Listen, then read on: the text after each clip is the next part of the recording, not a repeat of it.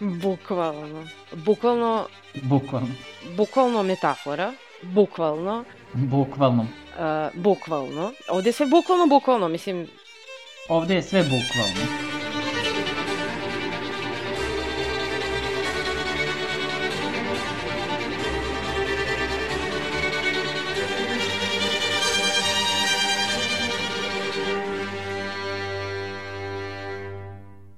Ćao svima. Danas e, je na programu unazad idući treći film Den Denija Vilneva koji radimo.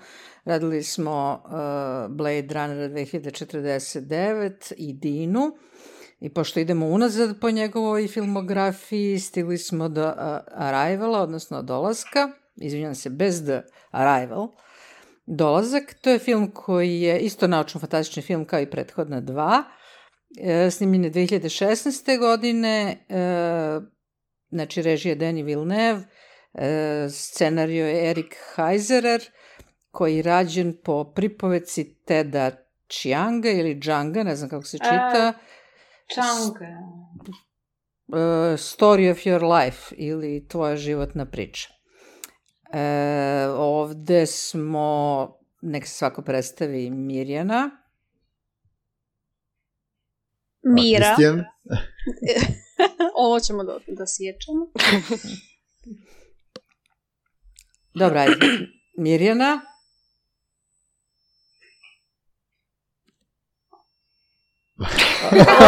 Mirjana sama. Osim, osim mene niko nije prisutan. Znači, ajde, Mirjana pa E, samo da vam kažem, naše predstavljanje, mi smo toliko nekulturni od početka ovog podcasta, nikad se ne predstavljamo i podrazumevamo da svi znaju ko smo mi. Da, da, da. Pa ajde da se predstavljamo. Ajde, Nataša? Mira. Kristijan. Ovo mora da se vježba. ajde ovako, Ovo prvo ne kaže da Mirjana, kida, pa ne kaže Nataša, pa ne kaže Mira, pa ne kaže Kristijan, pa ću ja. Ajde. Mirjana. Nataša? Mira. Kristijan. I Maša. Jej, uspeli smo. Pijun. Dobro, sad smo, ja mislim, najteži da prošli. Definitivno. Probili smo let. A, pa, e, znači, ukratko o filmu, e, odnosno šta je sinopsis filma, je, radi se o onome što se zove e, prvi kontakt u naučno-fantastičnom jel, žargonu, odnosno prvi kontakt sa vanzemaljskim stvorenjima, bićima ili već kako da ih nazovemo, a, gde suštinski problem nije to što nas a, vanzemaljci napadaju, pa moramo da se branimo, jel?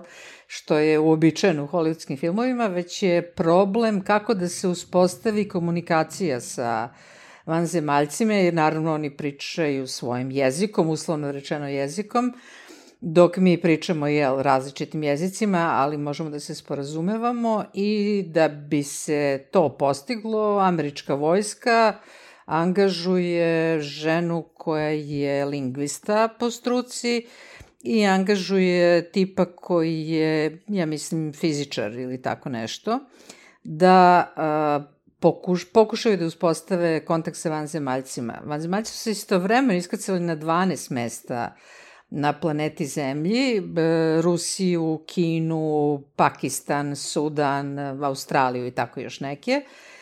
E, I svaka od tih zemalja pokušava neovisno od drugih da proba da razgovara sa vanzemaljcima, odnosno da proba da se sporazume sa vanzemaljcima i tu naravno gde bi nastajale komplikacije nego na političkom planu e, nastaju problemi jer neke od tih zemalja, logično možemo da pretpostavimo Kina i Rusija u američkim filmovima, jel?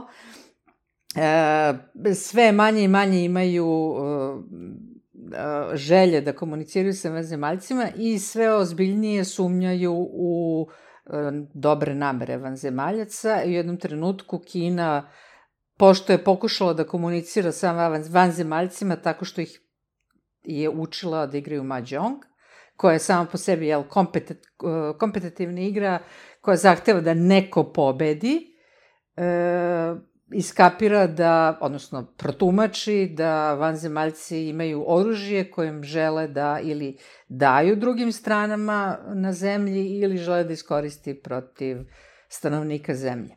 I tu nastaje osnovni konflikt i osnovni problem koji će e, naši junaci pokušati da reše. Ono što je još e, interesantno i što je suština priče jeste da u početku filma vidimo da glavna junakinja koja se zove Louisa Banks e, ima čerku koja se razboljeva i umire i sada dalje nastavljamo njenu priču gde je ona profesor na nekom fakultetu i onda i dolazi američka vojska i angažuje da uh, jel, E, priča sa vanzemaljcima i to ima jedna malo glupa scena gde Forrest Whitaker e, dolazi kod Amy Adamsa, da uvodimo jeli, koji su, ko su glumci, pusti je neki tri sekunde uh, audio zapisa vanzem, vanzemaljskog govora i kaže, ajde prevedi to. Da, da, da. Mislim, kako, kako bi to uopšte mogao da traži. Znate, Ali mene, dobro. mene je to kao prevodioca posjetilo na nešto što doživljavamo često.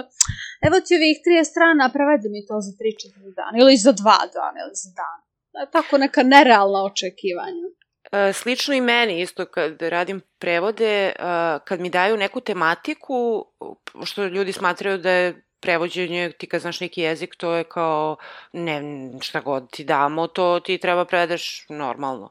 A uopšte ne uzimo u obzir, na primer, različite industrije, različite sfere i onda tako mi daju nešto iz uh, ekonomije ili financija, gde, kao, ali to je samo dva pasusa, kao, da, ali ta dva pasusa ja pola ne razumem, ono što razumem, nemam pojma kako se kaže na srpskom. da. Tako da... Nije to tako jednostavno, a posebno to, mm, znači malo. puštaju Loiz zvuk, što što je samo zvuk. I da, očekuju da to, da to prevede. Uh, ja nisam imao problem sa tom scenom, zato što je ipak specijalista za jezike, za sve vrste jezika. I logično je da verovatno ako ima vers, versatilno istrenirano uvo, da može da uoči neke paterne u tom zvuku, čak i ako je ono jako kratko trajalo što je Forrest Whitakerov ovaj, komandant pustio da ono čuje. Um, suglasan sam da je prevođenje jako težak posao uh, i mislim da bi malo više trebali da cenite ljudi, jer mi pola knjiga ne bismo danas imali ovaj, da čitamo, pogotovo s raznih uh, jezika koji su ono kompleksni mnogo recimo i od našeg. Uh, Tako da, uh, interesantna je premisa, mada moram priznati da nisam uh, čitao inicijalnu priču na kojoj je nastala. E, ili neko čitao možda? Mm, ja sam pročitala, još, kad je, još pre nego što je film izašao. Aha, i? Dobila sam baš preporuku uh mhm. -huh. od drugarice koja je to pročitala, znači pre filma. I ona kao, ja sam pro, znači tu ono, zbirku priča moraš da pročitaš od Ted uh, Changa priča tvog života, jer kao sve su fenomenalne, ali ta priča koja se u, u knjizi zove priča tvog života je nešto posebno, pogotovo ovaj, za, za lingvističare, za, za ovaj, nekoga koga jezik inače zanima i analize jezika mm i da je to nešto ono, totalno znaš, nećeš prestati da razmišljaš ono, o, o tvom konceptu i priči, ono, danima i stvarno je tako bilo, baš sam onako uh, počela da, da razmišljam. A kako da, je to u, kad uporediš sa filmom? Mm -hmm. Da li prati baš tu priču ili su neke stvari izmenjene? Uh, pa, uh, više se fokusira priča na samu analizu jezika. -hmm. Tih uh, sematograma uh, i kako ona pristupila tome i gde je nalazila ono, smisa u njima i dosta više lingvistički onako koncipirano. A u istovremeno, kao što je sam koncept tog jezika istovremen, tako, znači nakon par pasusa o analizi e, jezika, dolazi par pasusa njenih flash forwarda iz budućnosti uh -huh. sa, sa svojom ove, ovaj, čerkom. E, tako da se onako i ta drama dešava u, u isto vreme, naravno ta situacija kao i sam jezik i ovaj, e, na primer taj deo su isto u filmu prikazali na sličan način da, da se onako neizmenično prelazila sa scena um, ove komunikacije sa matemacima i analizi jezika na ono, nastavnično scenem ove, e, njenih vizija iz budućnosti. Međutim, nije bilo toliko o, o tim um, međuglobalnim uh, razmiricama. Znači, nije, to je ubačeno u film. To kao Amerika, Rusija, ovaj, znači, uh, da Rusija i Kina ovaj, žele A izvini, da, Nataša, da, je onda više bila proceduralna priča u smislu kako će ona da reši tu komunikaciju? Znači, nije bila nikakva ta eksterna, što kažeš, pretnja od strane velikih sila sa uh, druge strane planete. Da, ka, taj jezik je bio, mm-hmm. ono, kako, kako, da, um, kako on nju menja i kako ona mm-hmm. njega uh, ovaj, uči i, i na kraju ovaj, kako uspela da analizira te sekvence na različitim delovima i kroz različite primere. Onako baš je lingvistički zanimljiva, ali postoji taj neki ono, koncept znači, poimanja vremena koji se onda preslikava na njenu životnu priču, ono, priču ono, njenog života, tako da nije, u filmu su ubacili dosta tako te neke drame i panike više, da bi bilo to suspenzija uh -huh. veća i ono... Da, da bi, bi bilo filmično. Pa da, da. Pa i prijemčivo široj publici, jer ovaj film da, baš igra na pogotovo ono, Amerika, Kina, Rusija i kao negativci, i ono, malo je taj deo onako klasično odrađen, američki filmski. A u svakom slučaju e, priča mi je mm, ono, naravno zanimljivija zato što dolazi do te analize jezika ono, mnogo bolje nego što, je to, što su stigli i uspeli kroz film da ovaj, prikažu. Ali ovaj, isto tako mi se dopao i film, jer ono, mislim da je da ovaj, Amy Adams dosta lepo uspela da dočara i uh, svoju profesionalnu ulogu u filmu, uh, lingvističku, um, kroz analizu jezika, a i ovaj, taj dramski moment kao neko ko je ono, morao na kraju da se suči sa nekom traumom koja, koja će tek da, da se dogodi, da donese neke izbore koji su po nekim ljudima prepostavljamo ono, možda ne neadekvatni, neadekvatni, možda ne, ovaj, ne najbolji, ali ono, i to je za analizu meni, na primjer, da li je ona trebala da, i da li je uopšte mogla da, da uopšte izabere da li će, kad je već znala da šta će se dogoditi njenoj čerki, da li mogla da izabere da je ne rodi ili Ili je to ono... Da, to mene zanima isto. To, to, to sam razmišljala da li je to ono kao predodređeno mm -hmm. i da li ti imaš mogućnost da promeniš, pošto se nije film bavio mnogo time, ali kao ono što je pokazano u filmu nam deluje kao da je ona donala taj izbor, a da li mhm. ona imala izbor zapravo, to ne znam. Da, da li uopšte ona kao, mislim, ako je to budućnost koja, koja ona će se dogoditi, Jer mi stalno u tim uh, filmovima... Izbora. U stalno u tim filmovima koji se bave putovanjem kroz vreme i to uvijek je taj moment promene nečega u prošlosti što će imati efekat na budućnost. Da. A ovde se baš ne bavi time, nego kao da je više to kao ta predodređenost, uh, mislim, nisu eksplicitno rekli da je predodređenost, ali pretpostavljam da jeste, ali nije nam to odgovoreno. Kažem, predstavljeno je kao da ona donala izbor. Pa da, ali e, suština, e, e, ajde da pričamo o vanzemaljskim e, namerama. Oni dolaze tu jer žele da pomognu čovečanstvu jer očekuju onda, ako pomognu sad čovečanstvu, onda će čovečanstvo moći da pomogne njima za 3000 godine, čini mi se takva neka mm -hmm, cifra da. u pitanju. Što znači da oni e, koji vide vreme ili doživljavaju vreme ili je vreme za njih ciklično, uh, očekuju da akcija u prošlosti može da donese promenu u budućnosti. I iz toga zaključujem da i ona ima izbor, jel? Znači, ona A može da uradi pravu, ili, da.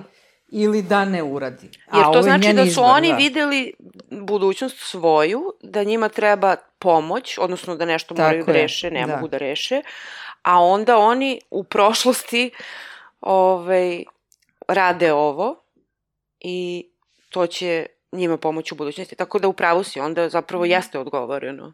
Lois A- a je... osim Mogućnost toga- onda može da se promeni. Da, a osim toga dramski, uh, da ona dođe u poziciju gde nema izbora, tu nemamo nikakvu dramu, jel? Da, Suština Mhm. priče jeste da ona bira da Mhm. rodi čerku koja će kasnije umreti, odnosno umreti mlada Da, kao tako je predstavljeno, da. da. Da, i to je onaj glavni spoiler, ovaj, a to je da mi u prikra, dru, na dve trećine filma recimo shvatimo, ili možda još i kasnije, da to što smo mi mislili da je njena prošlost, Aha. je u stvari njena budućnost. To je ono što otkrivamo u toj kritičnoj sceni. A, to je jako lep, to je ono da. što mi se najviše sviđa u ovom filmu.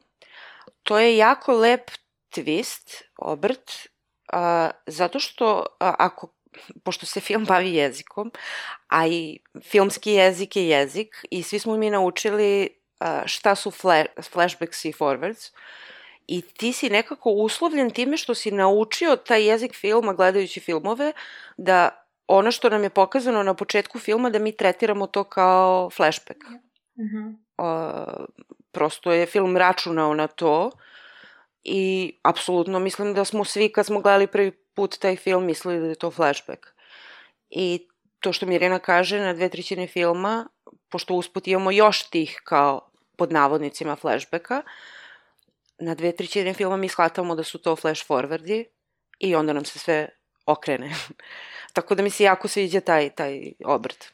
Da, i ne samo to, ne samo što mi to očekujemo od filma, znači to je sad neki meta, meta nivo, je, to je ono što mi znamo kao gledaoci u filmu, pa onda tako tumačim, nego što i to jeste ključna razlika između po filmu čovečanstva koje vidi vreme kao uh, strelu koja uvek ide napred, jel? Da, linearno. a ne uh, ciklično kao što vide vanzemaljci. Jel? Da. Znači, mi u stvari na kraju, ne na kraju, nego u tom trenutku počinjemo da doživljamo vreme onako kako ga doživljavaju vanzemaljci. Što je isto interesantna, interesantna priča za sebe. Jel? Da. Pa i meni se dopada taj moment. Dopada mi se što je uopšte ubačen taj subplot, da to tako nazovem, e, zato što da nismo imali tu priču o njihovoj čerki i o toj odluci koju ona donijela, ovaj film, ok, imao bi i dalje i težinu i značaj i smatram da bi bio ok, ali im je dao na nekoj ljudskosti. Ovako bismo samo imali Lois i Iana koji su, šta, da li su spasili svijet, odgonetnuli taj jezik. E, Da, ali kažem, opet bi moglo da se to predstavi flash forwardom prirodno, kao što smo naučili u filmovima, i opet Da. bi imala taj podzaplet. Ali kažem, baš je dobro što su oni i u samom jeziku filma to iskoristili da ti uh, pokažu tako ciklično. Znači, na početku ti pokažu to nešto iz budućnosti, pa se onda vraćaju u sadašnjost, pa idemo tako u krug. Ove, ali, kažem, mogli su da izaberu da to predstave flash forwardom i isto bi imala tu dilemu, isto bi razmišljala šta da radi, ali kažem, baš mi se to sviđa što je ovaj, u, u, sklop, ono, u skladu sa temom filma. Jeste. I meni se isto dopada što, dobro, ima tu različitih tema, ali definitivno je ovo film o moći jezika. Uh -huh. Znači imamo te vanzemaljce, taj termin, uh, i toliko je vojske, toliko je tih uh, ljudi koji su obučeni za borbu, ali šta oni tu mogu? Tu je Lois, koja je lingvista, koja ima tu moć da pokuša da riješi tu veliku misteriju. Zašto su oni tu? I svo oružje i svi njihovi planovi i zamisli, to ispada nebitno u odnosu na to što ona predstavlja.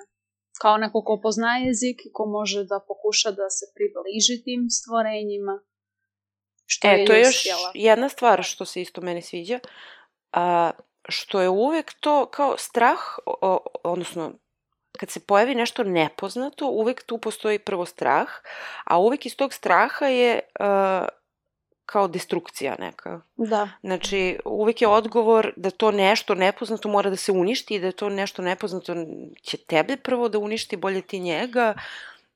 To je opasno. Znaš, uvek je ta reakcija, to je neka prirodna ljudska reakcija. Uh, ali ovde mi se sviđa što je njen metod je suprotno. Znači, njen metod je, ajde da razumemo to prvo, mm. da vidimo šta je to. Jer zašto bi mi uništili nešto ako to nešto nema razloga da se uništi. Da, i što nije neprijateljski nastrojeno uopšte. Da.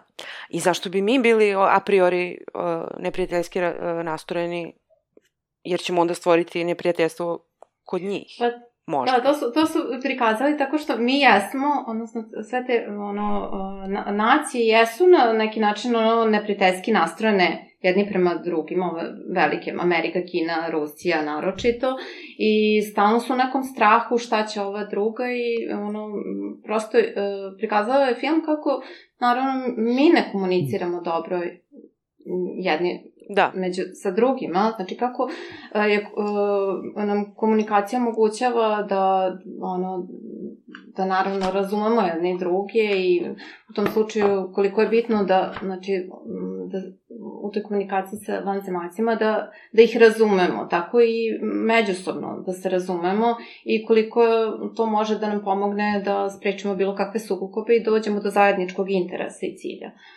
Uh, tako da, ono, taj film mi je baš dobro to pokazao i m, sviđa mi se i to što su vanzemaljci, ovaj, naravno, uh, znajući koliko je to bitno, m, komunikacija i razumevanje, uh, naterali ovaj, m, sve te zemlje da sarađuju jedni sa drugima, tako što su svakoj od njih dali deo uh, da. jezika ove, i da bi ga u potpunosti protumačili. Moraju da dele znanje. Moraju, da, Odnosno, moraju da sarađuju, da komuniciraju. Da, moraju da sarađuju. Tako I da. onaj razgovor kad ste pomenuli uh, između Foresta Whitakera i Amy Adams, to je meni bukvalno ono kao da razgovaraju uh, Independence Day i film Kontakt. znači, ono, Forest Whitaker je, ne, moramo uništiti vanzemaljce. A Amy Adams je ono, ne, čekajte, stanite, ajde prvo da vidimo šta je to. da. Ja, meni je dobro ona priča, mislim, to, uh, ovi, ono za kengura, znači, yes. kako ona to Mislim, kogo, kome god je to palo na pamet, meni je genijalno. Slažem se. kao, totalno su izmislili tu, ali ono, tako je uverljivo i podržavalo je njeno, ono, E, a, a to ideju. mi se sviđa zato što govori u prilog, odnosno, deo je njene karakterizacije, pošto ovde, ne znam, nema nešto mnogo razrade likova, da kažem, osim nje, a i to nije baš mm -hmm. puno. Ove, sviđa mi se što je ona spremna da laže mm. i sviđa mi se što je uh, u onoj situaciji kada on njoj ponudi ono kao, hoćeš ti to da radiš ili nećeš, da idem kod ja kod drugoga. A onda ona pre nego što će onda ode kaže, mm. aha, uh, odmah pokušava da diskredituje tog mm -hmm. drugoga, ali ne na neki pokvaren način, nego prosto ono kao da pokaže da ona više zna od tog drugog. Mm. Tako da... Da, ali tu, tu ima još jedan aspekt uh, interesantan. Ona kaže, pitaj ga šta znači rat na sanskritu. Da. I onda daje tumačenje da rat znači, da reč rat potiče iz kao izraza hoće više krava. Da. znači, hoću da imam više, jel? Što znači da nije samo problem u nerazumevanju i nesposobnosti komunikacije, nego je naravno problem i u željama i aspiracijama a, raznih ljudi ili nacija, da prosto žele da imaju više. Da prosto vode ratove da bi im bilo bolje, jel? Nije naš problem kao civilizacije nemogućnost sporazumevanja, nego je više problem uh, želja i ovaj, aspiracija, da, motiva, da, koje, da, koje, koje imamo. Ono, da. utiču na druge koji, ono, njima će biti uskraćeno nešto ili umanjeno nešto našim aspiracijama. Tako je, tako je. A odlično se razumemo šta ko hoće. Da, tu nemamo, nemamo problem sa komunikacijom. Da, ali ovde je više kao podela znanja, znaš, ne kao razumevanje da, da. u tom smislu. O, tako da slažem se, naravno, da ovaj, u nekim situacijama je apsolutno potrebno deliti to znanje. Naročito u slučaju kao što je ovaj u filmu gde ti imaš zajedničkog neprijatelja. Znači ti u situaciji kad si jedan na jedan, jedan protiv drugog, kao što ovi igraju Mahjong sa vanzemaljcima, ok, to razumem, ali ovde je poenta ne mi u odnosu na vanzemaljce, nego mi u odnosu na sami sebe, kao daj mi da se složimo, da bi mogli da ovaj, reagujemo bolje. E, I ono što je meni izuzetno, izuzetno u ovom filmu dobro urađeno, to je uh, taj vizuelni, uh, vizuelni izgled, sad vizuelni izgled, to je jel, ista reč. Znači, kako film izgleda, kako su urađeni uh, sami vanzemaljci, kako su urađeni njihovi brodovi, koji su pot, svemirski brodovi kojim su stigli na zemlju, jel? Koji su drugačiji od manje više onoga što smo do sada mogli da vidimo i kako je vizualno urađen sam jezik, odnosno tačnije samo pismo Aha. kojim oni mm -hmm. pišu, koje znači pošto je za njih vreme ciklično, onda su i njihovi znaci poređani u krugu, jel? Mm -hmm. Gde nema početka i nema kraja, odnosno ne postoji hronologija kao što postoji u našim jezicima, da se reči ređaju jedna za drugom, pa postoje i u vremenu. Kod njih je to, znači i vizualno predstavlja ono što je suština njihovog jezika, a to je da. cik cikličnost. E pa taj jezik su kreirali i Danny Villeneuve scenarista te, te logograme. da. da, ono je fenomenalno. I ne znam, zapazili ste vjerovatno da se Ianova i Lojzina čerka zove Hana. Da, to je palindrom. palindrom. Da, opet taj moment cikličnosti. Da, Hana na ah. Mm -hmm. da, da, pa, da, zato je dala ime, da, da. simbolično. Je li Kristijan prisutan ili odsutan, pošto se nije javljao do sad? tu se, tu se, nego sam spustio kad ste ušao već ovaj, u razgovor oko toga šta valja u vezi filma. Ove, nisam teo da se ubacujem i da prekidem, a i ponovio bi opet neke stvari koje ste i same rekli već do sada. O, evo šta se meni specifično sviđa kod filma, taj prvi kontakt kako je određen. Mislim da je to film koji je najbolje to zahvatio, jer, jer kao što ste i sami naglasile, jednostavno hvata se ta panika i ludilo koje se javlja kod nas kao ljudske rase da, da nam provedi to šesto čulo da moramo da se odbranimo tako što želimo samo da ratujemo i da bijemo i da grizemo, a nikako da pokušamo kroz normalnu komunikaciju i sabrane ove glave da iskomuniciramo sa tim nekim nepoznatim entitetom koji dolazi sa velikih nebesa. Uh, odličan je kao što je Mirina isto rekla za brod, pošto Villaneva očigledno ono stvarno voli neobične uh, oblike da stavlja u svoje sci-fi filmove a to se vidi i u Blade Runneru 2049 i u Dune-u, stvarno dosta detalja ovaj, posvećuje tim svemirskim brodovima i ovo se može gledati njihov brod od, od heptapoda, kako, se, kako su ih inače nazvali u filmu ovaj, Vanzemaljce, kao neka preteča onog broda iz Dune, dakle svi brodovi putuju svemirom od strane svemirske gilde uh. -huh. i onda izlaze uh mhm. -huh. ovaj, u svemir. Uh, I dopada mi se što je u stvari ovo jedno jako lično putovanje. Amy Adams uh, prvo nosi jako tešku ulogu, same ste rekle, njen lik nema dovoljno mesa i karakterizacije da bi to bilo interesantno, ali ona uspeva kroz tako neke prelepe manirizme, uh, pokretima gestikulacije, na izrazu samog lica, pošto i sama kamera je konstantno fokusirana nekako na nju, da nam doprinese da je ovo nešto jako lično i ovaj, jako lično i nežno kroz šta glavni lik prolazi, pogotovo kad se uzme u obzir da ima to predznanje koje ste spominjale. Uh, meni je taj tip prvih sat vremena stvarno fantastično, jer uh, ruši sve konvencije žanra. Mi imamo dosta filmova da se desio prvi kontakt i pre, tipa kao ovaj kontakt film, imali smo recimo Valerian i Fifth Element, gde je Luc Besson isto to pokušavao da uradi u Valerijanu je tu radio u prvih tih 5-6 minuta, ali posle ostatak filma je ono ne tako dobar. Uh, I mislim da je definitivno pokazatelj same ljudske prirode i to me je držalo prvih sat vremena. Međutim, posle, kako je odmicao film i odlazio u to razrešenje, kako da se reši problem te komunikacije i toga šta, šta nas čeka ovaj, u potencijalnoj budućnosti, uh, korišćenjem nekih po meni jeftinih megafina da dođete do tog razrešenja, a imalo je još opcije, nije da nije, o, nije mi jednostavno držao pažnju. I sad posle drugog gledanja, pošto je ovo drugi put uh, bijem priliku da ga uh mhm. -huh. pogledam, prvih sat vremena stvarno ono, drži pažnju, investira se sve vreme, u drugoj polini se desi takav pad da stvarno ono, jed, jedna nejedvite snage pogledam film do kraja. Jer jednostavno mislim da su mogli mnogo bolje to da razreše sve.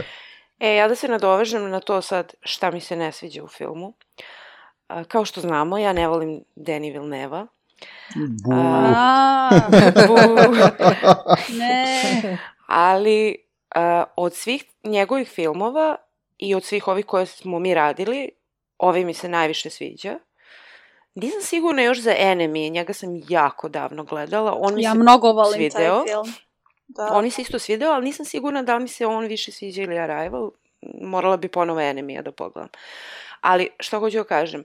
Znači, ovaj film, s obzirom da ima taj obrt i da a, ima taj moment gde kao, aha, ček da se vratim, da pogledam, znaš ti filmovi koji kao, u, sad moram ponovo da pogledam, nešto sam propustio u tom prvom gledanju. Znači, ja apsolutno nisam imala želju, ja sam ovo gledala u bioskopu kad je izašlo, Ja uopšte nisam imala želju, kao, u, moram sad ponovo da pogledam, jedva čekam da vidim što sam to propustila.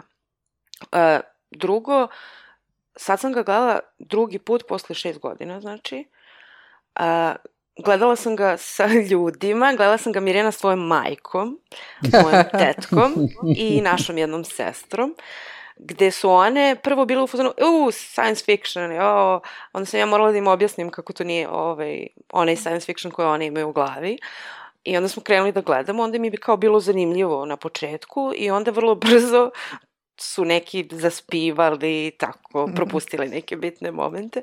Ove, ali hoću da kažem da i meni bilo nekako dosadnije i e, to je ono što mene nervira kod Vilneva, jer e, on ima te neke svedene uh, ono, production sets i production design i ono kao što ste rekli, dizajn tih svemirskih brodova i sve to nešto jako svedeno i u Dini i ovde, sve nešto kao parče betona nekog, u nekom A, klinički obliku. je previše, mislim da je to izraz koji tražiš. E, E, znaš šta me nervira?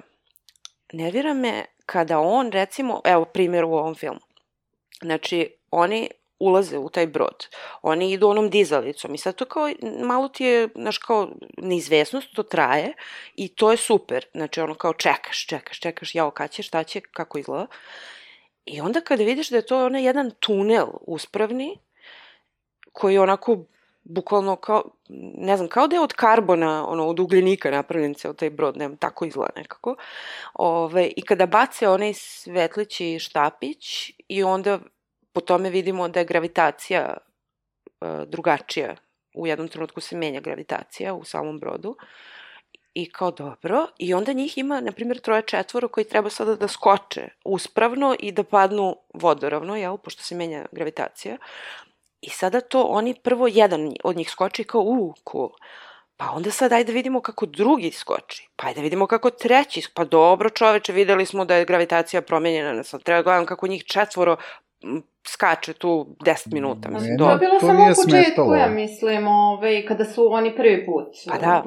Pa da, ali čisto Prvi da vidimo su kako će ušli. se snaći, ali kako će se snaći ono, Kako će se snaći i- u uspravnom tunelu u kome ne, četvoro su na da isti način skočili? da. Pa znaš. dobro, tu je, postoji mala neizvesnost. Oni Ali ja više nemam neizvesnost čoveče. Šta da je deset njih bilo, onda deset njih treba da skoči na isti Pa način. dobro, znaš šta, ponekad I I onda... trebaš da pokažeš i najobičnije tako neke akcije Da, koje i se nije dešavaju u svima filmu. odmah jasno iz prvog puta, znaš. A da. Mislim da još gledao, nije svim, tebi na drugo gledanje apsolutno jasno. Pa i na prvo Ali gledanje na- mi na to prvo- smetalo, znaš. na prvo I taj gledanje moment kao ti nije baš gde on jasno šta se prolazi sad kroz taj tunel i sad oni hodaju i ho... Pa dobro, isto je sve u tom Ali e, tunelu. osjećam možda Radi. to, to klaustrofobičnosti u sasvim jednom nepoznatom prostoru, u onim skafanderima, uh, ono, možda ta neka, ono, kao taj strah i, koji doživljavaju u tom trenutku, tako, to, prvi to. put Jeste. Pa, ali ja nisam to osetila.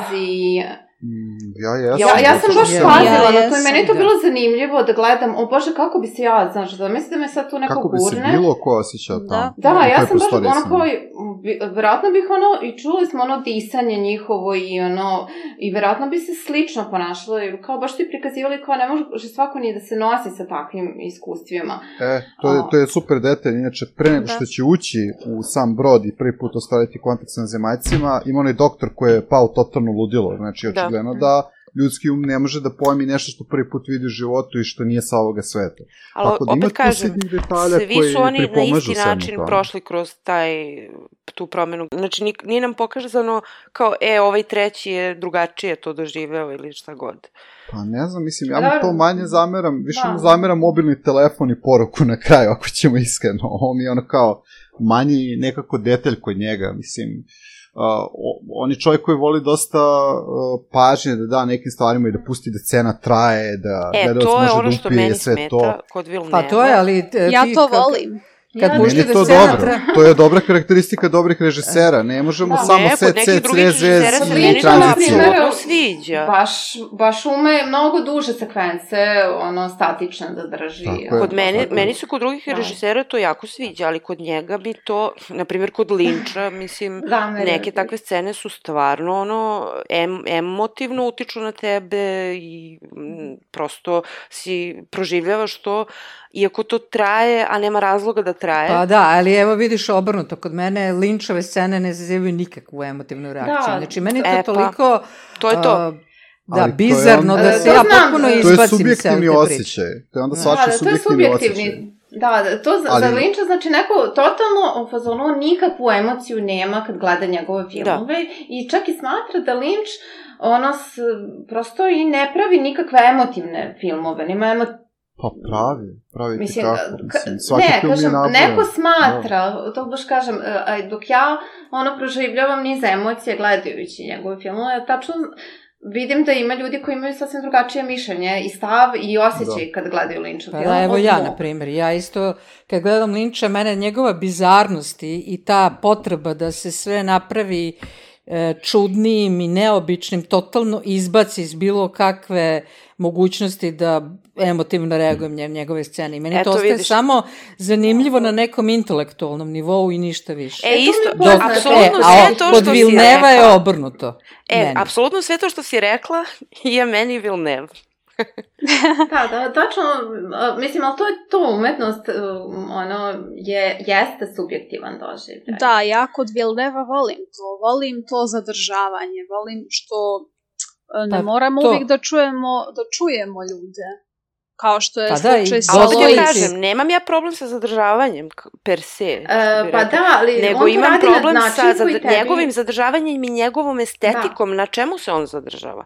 Znači, Ja njegova volim. estetika meni, e, po meni, po mom subjektivnom osjećaju, nema potrebe zadržavati se na tome toliko, jer ne, ta emocija mi samo gasi mi emociju, znaš, ono kao, okej, ajmo dalje. Kod mene radi to što treba. Mm. Ja baš, baš e, osjetim stvari koje je vjerovatno zamislio da treba da se Da, osjete eto. iz tih ali određenih. Mašo, uh, ti si pogledala većinu njegovih hollywoodskih filmova, je li tako? Da. I kad bi ih ovako sad gradacijski stavile jedan na drugi, uh, koji te je emotivno najviše radio? Spomenula si Enemy, ali koji te je još odradio od ostalih ovih koji Pa nijedan mi nije odradio kao ono, bukvalno nijedan mi nije bio u fazonu wow, ono kao pala sam na dupe sad. Šta, Prisoner si, recimo, Sicario ti nije ostavio nikakav jak Prisoners utisak, i pogotovo- Sicario su mi najgori njegovi filmovi koje sam pogledala. Stvarno? Da. Uh, Blade Runner mi je okej, osim što, mislim, radili smo ga, opet kažem, te neke stvari njegove. Uh, Arrival, sad pričamo, i Dune isto pričali smo, tu ima dosta to kao beton, beton, samo beton, i evo vam još beton. Niste videli beton, evo ga opet beton, isti onaj beton što ste videli malo pre, beton. Znači, e, bukvalno, to, Neko će, to mi E, je. neko jesi će da pomisli gledala? da je Villeneuve graditelj ovde, da se bavi ovo, arhitekturom. Ali neko gledao. Incendies. E, ja to nisam gledala. E, to Ja. je njegov najemotivniji film. Jer Potpisujem. jeste. Da, da. Super, eto. I predložila sam epizo- ga već. epizo- za buduću epizodu u Vilnevu Eto, da, i Sanders da dopuna, pogledamo. u stvari, dobro. Dopuna Cijelo- Villeneuve, bonus film. Da, ajde Ali- full, full Villeneuve. ono, Full da, Villeneuve. Ja, sve film. E, ali ako krenemo tako, onda moramo da radimo i one rane radove. A to me isto zanima. Maelstrom U. i ovaj, kako se zove, 72 Hours on Earth, ili kako mi se zove prvi film. Nemoj tako. Maš će odustati od podcasta. Da, Ne, ja se žrtvujem. Neka, neka, ima da se kali, ima da, ima da zgoti Villeneuve s vremena. Vremenom, polako. Još će da je uđe po Meni je koži. Villeneuve u grupi režisera kao što je Nolan, recimo, U, ne meni znam koga nije. bi još tu stavila. U meni je Nolan bi- u grupi režisera, samo kao što je Nolan. Nolan mi je, Nolan mi je hoštapler, recimo, čisto ono. Šta pričate da to? Uh, to je moj Znači, subjektivni osjećaj. Sad moramo da radimo i Nolana da bi se posveđali žestoko. Apsolutno. To će tek da bude slatko, može, ono, kao svaki film da mu izdrobimo znam da ima mrvice. još jedan treći neki, ali ne mogu se sad ko je taj, ali... Tako Pa znam. nema e, znate šta, nema kad pričamo puno, već nema ih o, o tim režiserima tog tipa, znaš ko mi pada na pamet? Pada mi, ali ja ni, apsol, mislim da u apsolutno ni jedan njegov film nisam gledala. To je onaj Terence Malik. Ja isto. Aha, on, on stvarno pravi svaki film na isti način. Da. A, Tipa Svi su real mu life. filmovi jako eterični postaju. Jako Mislim- su ono, kao snovi. Snovi, Da, da, sećanja samo, i sve nekako no. sporo. Ide ko muzika ambijentalno u pozadini, bira najlepše glumci i glumice. A to ne volite Da. kad se I onda gledaj, gledaj dva i po sata toga, pa vidi kako A se pretjeruje, on A, pretjeruje. jel, jel? stvarno. Da, da, Ali- da, ali on je- previše on je- ima taj signature moment da, da Pa, film autor je. totalno oboji svojim no, no, nekom vizijom. Na, na isti način svaki film, bukvalno. Da, da mi, na Ušao je, da- ušao Drvo je, ušao je se nišu dopalo, toga. ali- Nije od uvek to radio. Nekad je on radio filmove filmove.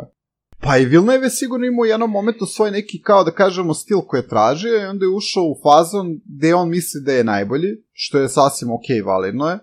Ovi, to radi sa, sa svim ovim hollywoodskim filmovima. Mislim, mada ja u svakom njegovom hollywoodskom filmu da, koji sam pogledao sada sam našao nešto novo i drugačije Mm. i nisu mi svi tako, ono da kažeš, klinički i ono, ispeglani. Iako ima toga. Ima kao da je mora Meni da te domaći boje, e, na primjer, boje sam primetila da dosta Mhm. da te zagasite zemljane tonove preferira. Na primjer, ovaj Arrival je možda imao previše toga. Mhm. U, a, mislim, ok, tamo u zatvorenom onom vojnom kampu, sve to tako nešto zagasito, maslenasto, normalno. Uh, I Enemy taj je tako brod da prizemlje. Enemy ima Sikario. zlatnu. Mislim da je njegov ima boju film zapravo Blade Runner, ali to je uslovljen Zbog prethodnikom. Neonskih, da, ono, Da, jest. boja, da, možda najlepše je za oko za gledati, ono, po meni Blade Runner. Mislim, E, ali Ima imam sad neko- jedno ključno pitanje Živo. za Mirjanu. Da li je bolji Arrival ili Kontakt? Pa, e, nisam skoro gledala Kontakt, znači gledala sam ga pre sigurno više od 15 godina, na primer. E, Ja kad sam gledala, bio, on me se meni svideo, ali imao je neke probleme, mislim ima previše te tele, uh, teološke priče Mhm. i te neke priče Bog, vanzemaljci, što je meni smetalo i što je uvek tako.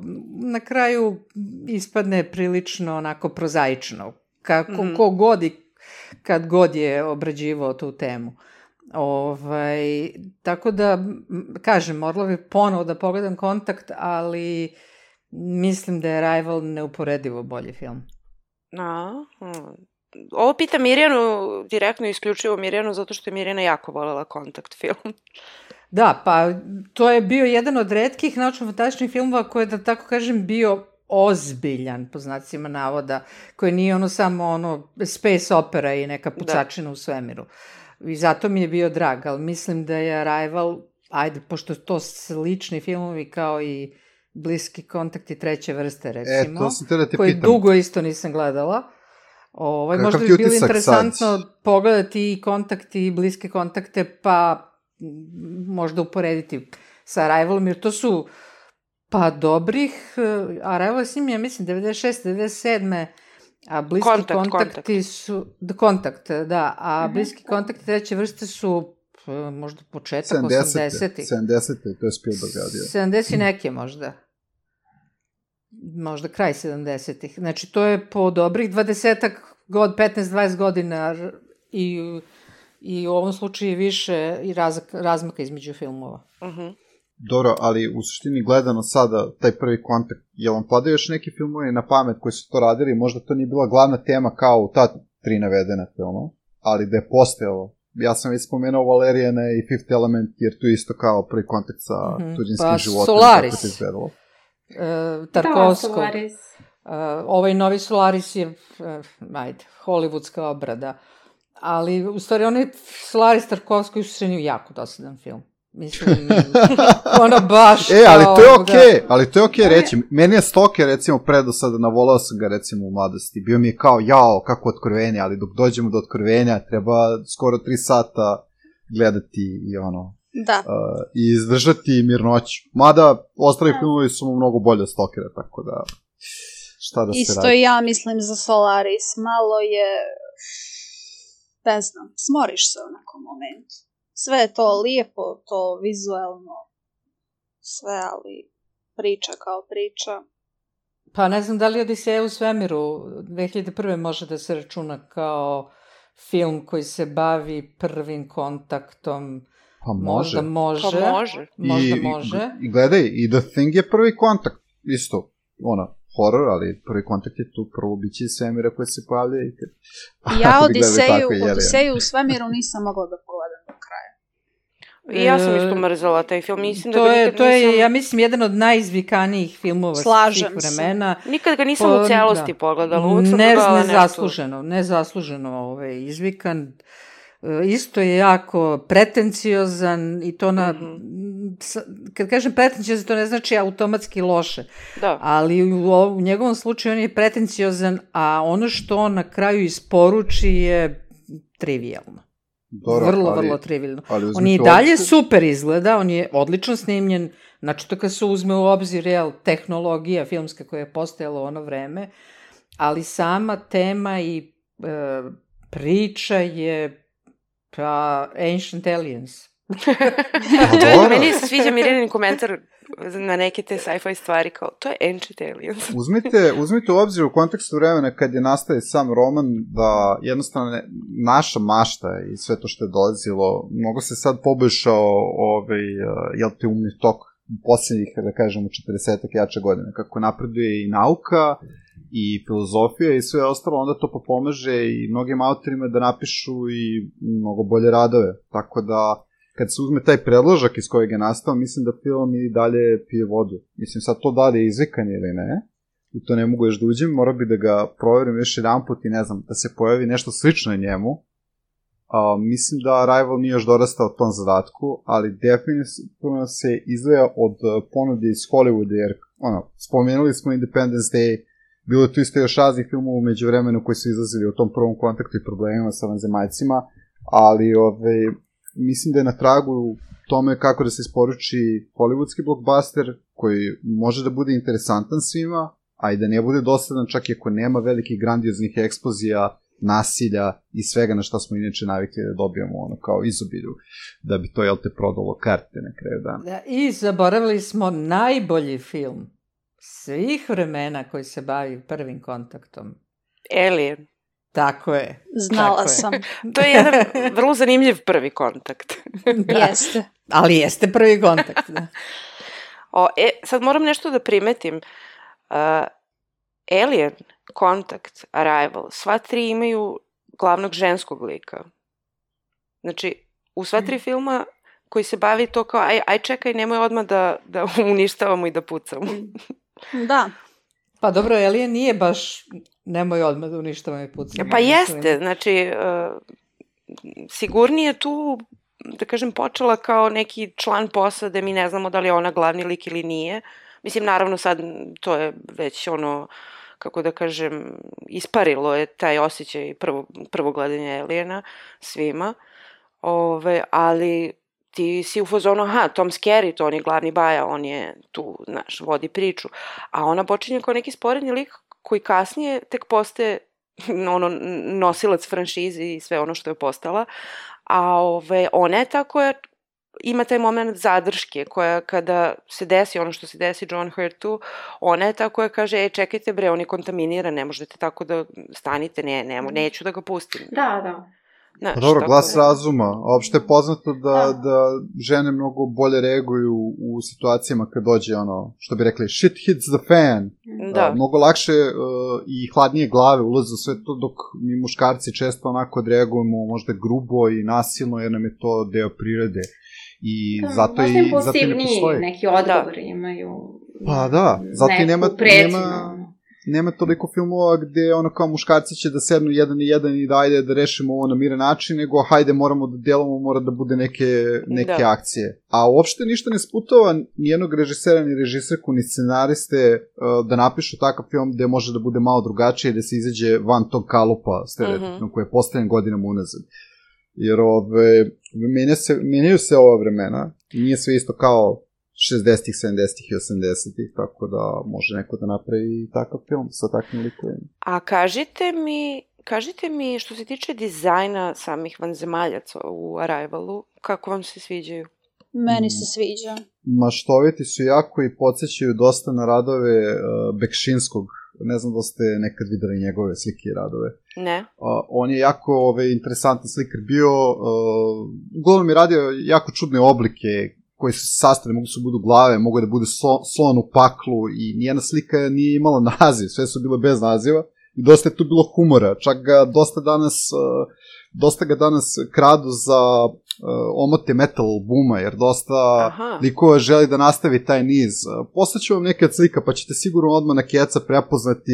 On je u rangu Geigera, ako je Geiger stvorio ovaj, uh, Elijana i ovaj, pospešio da ono uđe u naše košmare, uh, Bekšinski je uspeo da ubaci isto tu neku estetiku uh, koja je njegova, koja je onako da kažemo na nekom nightmare fuelu, ono kao da ste u nekom paklenom svetu da isto ima raznih organa, neobičnosti i nelogičnosti ove, i ono, do, mislim, svakako je dosta utica. Imate recimo i ovu novu video igru Scorn, koju su radili naš, naš mali tim iz Sebije, uh, koji su inspirisani i Geigerom i Bekšinskom i onda tu ima dosta te estetike, tako da poslaću vam neke linkova pa ćete imati priliku malo da se bolje upoznate. Mislim da čak ima i dokumentarac o njemu, o Bekšinskom, što bi mogli u nekoj epizodi do, dobredimo ovaj, Može. u budućnosti. A, meni se jako sviđa što su vanzemaljci. meni vanzemaljci podsjećaju na The Thing iz The Addams Family. da, to mi se sviđa. I a, njihova, njihova svojstva su onako vrlo kao neke lignje ili oktopodi, odnosno heptapodi, whatever. Ove, imaju to kao mastilo koje izlazi. A tu me malo podsjeća na ovaj, na onaj film Faculty, gde su vanzemaljci ono neki kao... od Rodrigueza, ono sa vodom i sa svime, sećam da. se toga je kroz magle, čoveč. Uh, Ali primarno me podsjeća na The da. Thing iz Adam's Family meni, to kad si sad spomenula kao Hoptopod i sve, mene to podsjeća isto na pisanja Harda Phillipsa Lovecrafta. On se često bavio tim kosmičkim užasima i božanstvima i uglavnom je bilo dosta pipaka. I mhm. onda, mm -hmm. kao taj miks Bekšinskog i, i Lovecraftovog tog nekog ludila gde kao ljudski um mora da pojma nešto što izgleda drugačije od nas samih, jer mi smo navikli na ovaj naš uh, izgled sa dve ruke i dve noge i ono kao glavom, ušima, nosem, ustima I onda sad postoji nešto što nema uopšte neku normalnu formu, jer mi kasnije kada vidimo u toku filma, kad se konačno razotkriju sami vanzemaljci, oni izgledaju kao da imaju neke one male glavice gore i onda džinska da, da. ramena koje u stvari idu na te noge koje se otvaraju pipke i ono, kako da. god oni komuniciraju. I meni je to baš bilo super, jer uh, Villeneuve i njegov tim ovih dizajnera koji su radili to, ove animacije i sve, nisu preterali sa animacijom, jer i danas, evo, taj film je koliko star, 6-7 godina, uh -huh. to dalje dobro izgleda i svedeno je nekako i s ukusom je uređeno. Znate, nije ono kao da bode oči, ne znam, pogledajte najnoviji film, lupom sa Chris Prattom kada brani svet od propasti ono, vanzemaljske sile koje dolaze iz Semira i svi su nekako vanzemaljci onako generični, izgledaju isto. To, to mi se nekako čini da u Hollywoodu postoji trend da kao što manje mašte ulažu u same kreature, a nekada su se više trudili. Znači uzmite tog Elijana, uzmete iz Independence Day, one iste vanzemaljci, oni su interesantno dizajnirani. Nije kao da liče na nešto što smo videli, mm -hmm. mislim, pre, do tog momenta, naravno. Ali, da, da, jako su maštovito prikazani. Da, da i meni se... Meni se dopada, ovaj, imaju te, i sam taj brod i vanzemacije nekako su organski, ono, je, jednostavni i to je nešto što drugačije od svih ostalih vanzemaljaca koje sam videla u filmovima, ako su ih prikazali. U kontaktu ih nisu prikazali, tako da, ono, tu su ostavili da, da je ono kao... Da, i meni se svidelo to što Tomaša kaže beton. Ovaj, ta, recimo, površina e, tog broda je nije sjajna, ravna, kao što bi se inače prikazivalo kao neki... Nije metalno. Neobični neka. metal, da. Cargo, baš da, nekako da, izgleda... Ono ispolirano. Da, da izgleda onako hrapavo sa nekim rupicama i to mi je baš, baš mi je bilo interesantno. Mislim da je Pa, Kao bitno... da je ono, neki, kao da je u suštini živo biće, nekako, tako mi deluje, kao, kao da ima život ta, Meni deluje kao neki oblutak. Da, i mislim da je bitno što... Pa jeste u obliku da oblut. Pa, Bitno što ta dizajn ostaje. Znači, taj dizajn je e, definitivni dizajn Rivala i svako ko je gledao Rival zapamtit će taj dizajn. Da. Mislim, Mm. Pa to je to je, o- za razliku od Da. većine naučno-fantastičnih filmova da je ono kao sve ti kao isto, sve jedno Da. ti. Ovo je baš vrlo specifično. I u Pa, tome su baš nisu, uspeli. Nisu maštoviti, generalno, kada prave filmove, kada je sci-fi žanr u pitanju, redko kada se koji studio ili, ili režiseri ili taj eh, creature effects team koji radi te efekte sve, ono, baš potrudi da uredi nešto drugačije. I drugo, ja mislim da je nekako u ljudskoj svesti ostalo kao, ej, leteći tanjere na nebesima, samo da bude oblao i ono da ima neku kuglu u sredini i ajde, kao, to je to. A, tako da svakako e, ovo što ste rekli na oblutak i da, da je organski ovaj brod, e, mene, mene njihovi brodovi posjećaju na košnice, ne znam zašto. Jer kad su unutra, delo je kao da je ono isklesano od strane njih kako su se oni širili tu, ne znam, možda grešim, ali e, ako ste ikad videli košnicu iznutra, Možda su se da, rodili u tom. Pa moguće, moguće. Zna- Znate, i na kraju su se nekako dezi... Šta se na kraju desilo? I to sam ovaj, dezintegrisali su se ti brodovi ili su nestali i transportovali su se u prostoru i vremenu? Pa otišli su, da. To je Otišli ona, su ono što ja one- shvatam, da. One najmanje eksplozije na svetu. Znači, nisu, nisu bili ni tu flashy kao pri odlasku ćemo da, Da, upalimo blagog karaktera, ono, 653 bili. svjetla. Pa eto, Light vidite, opet tu ima nešto dobro što Villeneuve je bio jako suzdržan. Da je sad recimo to radio možda Nolan, koji je isto njegov, dakle što ste rekli, pandam, on bi išao s nekom jakom eksplozijom i sa ne znam čime, ono šta bi se tu desilo, nešto je epski, jer kao mora IMAX da se opravda. Da. A, Ne, ne, Nolan bi išao na uh, tako komplikovanu vremensku strukturu da nikom ne bi bilo jasno kad su otišli, a kad su došli. da bi, on to voli. To nakon gledanja Gde su pošli, gde su prošli. to je nakon gledanja Teneta. a Tenet, Moj A da, zavis- Tenet, jao, Tenet, da. ne ponovilo se više.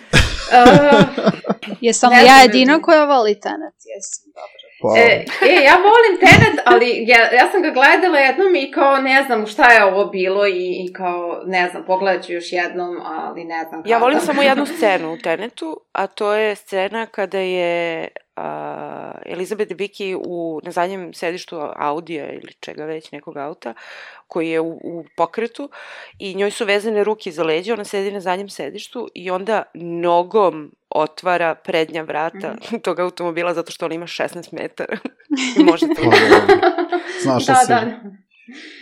Ove, ali da, da, da, da, mislim, E, inače bi ga se- zaviberio. Izvini. Setila sam se još jednog uh, filma koji, koji isto u glavnu ulogu ima uh, žena, isto je prvi kontakt uh, sa vanzemaljskom civilizacijom, a to je uh, Annihilation. E, ali ne znam da li je to prvi kontakt.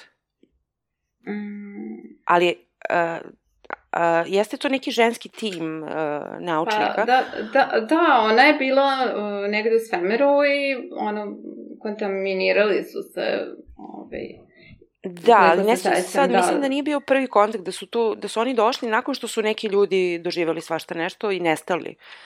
Ove, pa onda oni tu nešto istražuju. Ja sam pokušao taj film da pogledam i zaspio sam posle pola sata. Jo, meni se taj film, ja sam ga jedva čekala. Jedva, jedva sam ga čekala. I onda kad je konačno izašao, onda sam bila malo razočarana, ali i dalje mi, da kažem, sviđa mi se. Nemoj da spojluješ, molim te. Neću da spojlujem ima jedna jako strašna scena koja je ostavila neviđeni utisak na mene. I to je to. ono sa medom. nemoj da pričaš, nemoj da Pa nemoj da spojluješ. spojluješ, Nataša, šta ti Pa je ne, samo sam kao meda. Što se mene Pa ne. tiče, ne želim ni da ga gledam.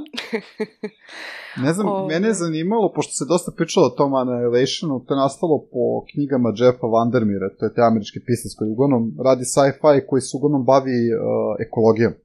I uvek ima neke te Da, interesantne ima, stvari. to je dominantna tema, da. Uh, ja sam pročitao od njega Born, uh, kojeg je Orfelin odradio. Orfelin je inače izdavačka kuća koja radi samo horror naslove, ovde kod nas radi ih jako dobro. Uh -huh. To bi preporučio svima da pročitaju ako volite uh, kaidžu monstrum filmove, volite post-apokaliptičnu budućnost i ako vas zanima uh, maštovit način kako bi naš svet, svet izgledao posle raznih uh, gluposti koje, ono, kao ljudska svest može da nanese na ovu planetu i na sve živo, ove, uh, jako interesantno štivo.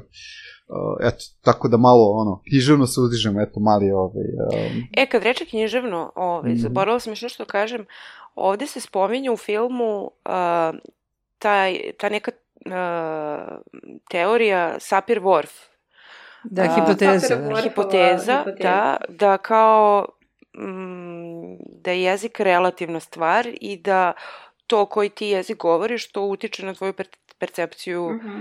uh, sveta. Uh, I na način mišljenja. Tako je Mhm. i uh, uh, pa, pao mi je na pamet neka knjiga koju ja nisam čitala, uh, možda si ti Mirjana čitala, zove se Babel 17. Da, čitala sam. E, tu je ta To hipoteza je baš odličan ono... roman. uh, Samuel Delaney je to pisao. E, pretpostavila sam da si ti to čitala. Ja nisam čitala. Sad kaži mi kako je to, pošto znam da je to baš ono kao neki, baš se koristi to kao oružje zapravo. Pa da, to je interesantna primana Sapir-Whorfove ovaj, hipoteze. Mislim, to je kratki roman i bavi se, čini mi se, sad davno sam ga čitala, sa nekim iskrcavanjem na mesecu, čini mi se da je to glavna tema i bavi se jezikom i preporučujem ga. Mislim, Samuel Delaney je odličan pisac koji ja mislim da je kod nas prevedeno, da li je taj Vavilon 17 preveden ili Nova, njegov roman, tako, koji je bio vrlo uh, eksperimentalan i vrlo neobičan, čak i za 60. kada Mhm. je izašao. Ne znam, mislim, može da se nađe svakako. Znači, ovaj, preporučuješ da se to čita? pre, preporučujem, da, apsolutno. A. Vavilon 17 je odličan roman, da. E, cool. Ove, I šta sam još htela da kažem? Uh, da, htela sam da spomenem malo Amy Adams, uh, koja je inače, uh, ja, Amy Adams, uh, meni je mnogo zanimljiv njen put. Uh, da kažem, ja sam nju prvi put videla u, u jednom od mojih omiljenih filmova, to je Drop Dead Gorgeous Da. iz 99. gde ona igra neku, kao da kažem, praznoglavu cheerleadersicu. Mhm. I nakon toga igra u filmu Psycho Beach Party, gde je ist, slična situacija. I ja uopšte nisam nju doživljavala kao neku ozbiljnu glumicu. Do trenutka dok nije ona bila nominovana za Oscara za onaj film Junebug, koji nisam gledala. Ali kao bilo mi je jako zanimljivo kao kako sad ta osoba, kako, kako je ona došla u ono kao da bude nominovana za Oscara. I onda kasnije, kako su izlazili ovi njeni filmovi, uh, mi se to dokazalo da je ona jedna odlična, odlična glumica. I ove, jako me zanima, to smo pominjali, ja mislim u onom kao fi, filmovi u 2022. Uh, film u kome ona igra novi, koji treba da izađe verovatno sledeće godine, koji se zove Night Beach. Night Beach. Da. Ok, prepočujem za to ne ono. A, znači, a, jako malo se zna o tom filmu. Znači, ne znamo da li će taj film biti trashy ili će biti cool, ozbiljan. Ali, ona se nešto ugojila za tu ulogu, je li to to? Ne znam, ali opis filma je bukvalno jedna rečenica kao...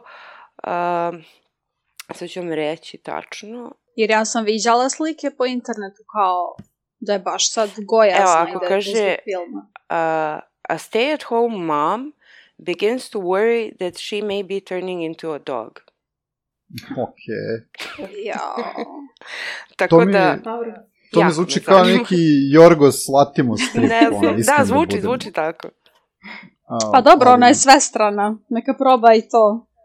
Pa da, ne, ide, ja- ide ja koracima Nicole mislim- Kidman, praktično, i Da. liči. Pa na Pa dobro, ali gledajte, Amy Adams je jako kasno nekako uspela da se probije i Aha. pride da pre svoje 40. godine ili koliko već sad ima, da ono, dosta dobrih uh, uloga ovaj, pohvata i da odglumi. Mislim, Yes. Tako je. Arrival pojavila se u Dubtu, ako ste gledali, u Her Gledala. isto imala I sporednu vrlo ulogu. šareno to sve. Da. Da, da, da, i jako je uverljiva, jer uh, ja ne mogu stvarno da nađem njenog trenutnog ženskog padama u glumi, ono kao, mislio sam pre da je Jessica Chastain, pošto i ona A isto imala dobre liče. uloge, I Pa- ovako vizualno. Da, Ali- i, i Nicole Kidman isto. Možda je Nicole Da. Kidman najsličnija. Pa ne znam, ali Nicole Kidman nije baš skoro brilera, mislim, ono, kao, gledali smo ju u Northmanu, bilo je okej, Meni Bila je je najbolji ono- deo Northman. stvarno, a, a da, prošli smo Northman, viš kako je to prošlo već neko vreme, već sam zaboravio šta smo rekli. Pa ja mislim Ali- da, da Jessica Chastain može da je parira. To da. Ali daju je neke loše uloge, stalno glumi u nekim sad akcijašima, jer je glumila tipo u jednom, dva i onda kao, hej, mogu i ja ovde, mislim, što nije loše. Da. Imamo i Charlize Theron, ali i ona se isto svela na to neko akcijašenje. Ja mislim da svako od njih je jako dobra glumica koja može da iznese te teške i dramske uloge. Mhm. Ono, transformativne, gde ono ostaneš Mhm. stvarno ono kao posle svega toga kao, wow, šta sve jedna osoba Pa može su da u uredi. neku fazu, okej, šta sad? Mm. Da.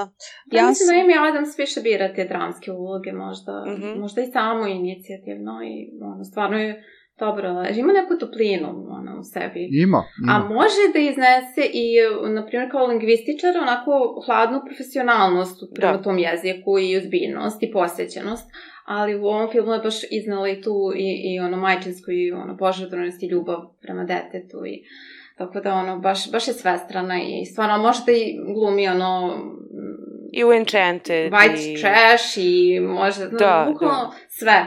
I u onaj Sharp Objects isto. Da. Mm, da, i tu je bila. I, i, on, i na primjer, ovaj, Noćna životinja i tu mi je isto bila. Odlično. Što Animals. nije svidelo, taj Mhm. film. Ali ono Meni se sviđa. Odličan. Da. To je izašlo isto, isto to kad je Arrival To izašlo. možemo da radimo Jest. tamo da... Može. Ja volim taj Za diskusiju, ono, ja bih. Da. A kako vam se činio nastup uh, Jeremy Rennera? A, meni je bilo jako interesantno da igra ono van, van uh, klasičnog typecastera, on uvek glumi neke ta, tough guyse u svim akcijašima u kojima je glumio Pa poslednjih da. deseta Meni je godina. bilo jako zanimljivo što je kao on uh, skrajnut, da kažem, kao ta neka uh, žena glavnog junaka, ali on je muž glavne junakinje. Znaš, nekako je ono, nije mu dato mnogo da radi, a opet je nekako definisan kao lik u smislu profesionalno to kao čime se bavi i ka, ono, ali opet nije mnogo razrađen, to je jedino. Pa Da, već to akcenat je na nju bio. To je Da. njeno putovanje, ne njegovo. On je Da, samo tu, da, ono, da, for on the je tu ride, što bi baš se ono reklo. sporedan lik. Osim toga što je izdao na kraju, jel? Što je otišao, da. kad je saznao šta će se desiti. Pa Ali da. to čak nije ni prikazano, tako da opet kao lik, eh, o njemu više saznajemo o tome šta kao priča ona sa čerkom, zašto, kako je on otišao i Da. da ih nije u stvari napustio, a u suštini ih jeste napustio. Pa napustio Da, Mm, to je za, ovaj, zbog toga što Pa je i ona njemu rekla. čerku, da. Ali da. nije, mislim, nju nije napustio, nego samo, ovaj, mislim, viđali su se Ja sam shvatila da su se oni razveli zbog toga, eto, Sam tako. samo shvatila da su se oni razveli, da, na, znači napustio je Amy zato što je ona, mu nije rekla to. Da, i- on nije mogao se nositi sa tim izborom koje ona donala. Što nije bio deo te odluke ili već, barem... Ne znam. Da, to je E, dosta okej. diskutabilan potez. Da, generalno to mi je da, onako. Ja sam htjela još jednu stvar da, da ovako istaknem, a to je muzika Johana Johanssona. Koja je ista je kao muzika radio- Hansa Cimmera u Dune. A to je ono Ne, bam. nije, nije, Nije, nisi u pravu, nije. Mašo, ovde nisi, Nisi u pravu. u pravu. O, Joj. izvini, Mirjana, ajde ti prvo završi, ja bi se posle nadovezao, jer sam to isto čuo negde za kraj da pričam o muzici, jer mislim da je Johansson... Mislim da je mnogo ekspresivnija i mnogo neobičnija od standardnog Hansa Cimmera koji je manje više isti u svim filmovima. Od standardnog, da. Pa A. ne, od onog koji je bio pre 30 godina kad je nešto novo Ne, nego radio. kažemo od a od tada... Cimmera u Dune-u. A, ja, mislim ja da, sam da dala Johansson- poređenje u odnosu na Du, Dune. Da. nije Johansson je ovde standardni odradio... Hans Zimmer. Pa, Pa, mislim... a da, ja kažem standardni Hans Zimmer je bio pre 30 godina, taj na koga ti misliš. Ne, ja bukvalno kažem da je Johan Johansson isti kao Hans Zimmer u Dune-u. Da nije... Pa Pa da ne može nije, biti nije. jer je Dune sniman nije. posle. Ali Znači, može muzika biti mi samo je da je ista. Hans, da je samo Ne. da je Hans isti kao Johan, zato što je Johan prvo je snimljeno A Arrival, nije važno šta je bilo pre. Poenta je da su mi isti, kapiraš? A, Ne, ja mislim da imaju totalno drugačiji uh, način komuniciranja kroz muziku. Johansson je ovde na jako organski način uh, spojio elektronsku muziku i one mirnije delove sa klavirima i gudalima koji su stvarno fantastični, a Hans Zimmer je otišao u ep, ono, epiku. On je nabacao sve i napravio totalni haos i jeste napravio grandiozan soundtrack koji u Dune ono, totalno daje neku novu nišu, ali i on je upao u neku kolotečinu, a po meni Ali to je, ali slažeš se da je Dune kao film jeste epski film. Jeste, I tom pa filmu mora odgovara da bude- epska muzika. A podloga je da bude svedeni tako, film da, da. kome odgovara muzika Johana Johanssona. Jeste, i to je sve uklopljeno savršeno. Tako je, tako je. Meni je, Aj sad ti Mašo kaži nešto pa te ponovo popljujem. Sad će Mira da prebije Mašu i to je Ajde sad to. nešto još da, da pljujem iz Vilnevovog opusa. Ne, sačuvat ćemo to za Sikario, tu tek imam... Primetbi. Jo, Mašo, Mašo, Tu tek znači, imam jo, da ja, već me boli za tu emisiju, jer ono, Sikario mi je jedan od omiljenih filmova, kako, kako nemaš srce da tako voliš taj film? Nemam srca. Strašno. Ali Jedva evo, čekam kažem, Sicario da Arrival mi je od njegovih svih koje smo radili i od svih koje sam gledala, sa rezervom Enemy, pošto morala bi ponovo da ga pogledam, Arrival mi se najviše sviđa. Dobro, pa to je lepo, mislim, našao si svojeg ličnog favorita, to je na kraju dana najbitnije, mislim, super je kad imamo izbor, jer zamislite da samo ono, režiser uredi jedan film i onda nemaš ništa sa toga. to Uvek imamo izbor. to je ovo isto. Možemo da zaključimo. Dobro, Mašo, ajde sad, ajde, mislim, malo je pitanje je teško, ali... Nemoj samo matematiku neku. Ne, ne, ne, teško u smislu da, da ne znaš ko je režirao, na primer, Dinu i Sikarija, da li bi mogla da pogodiš da je isti režiser u pitanju? A, morala bi ponovo Sikarija da pogledam, pa ću ti odgovoriti na to pitanje.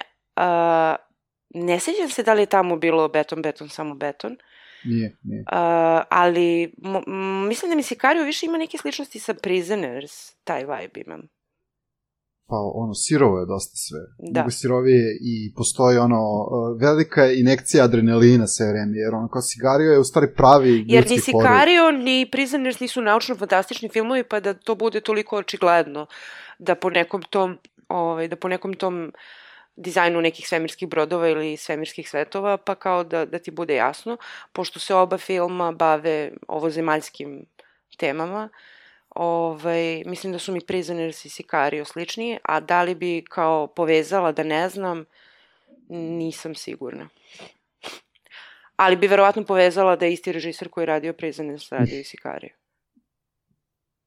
Hm, to da. Ali ja Sikarija i Dinu ne bih povezala. Na primjer.